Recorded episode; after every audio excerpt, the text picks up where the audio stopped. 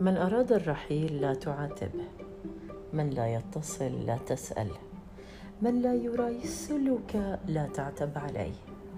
من لا يتقدم لك ذراعا لا تتقدم له اصبعا صغيرا. هذه قواعد لا بد أن تحفظها صما. حقيقة أثبتت الحياة. أننا أحيانا نحاول ونحاول مع الأشخاص الخاطئين.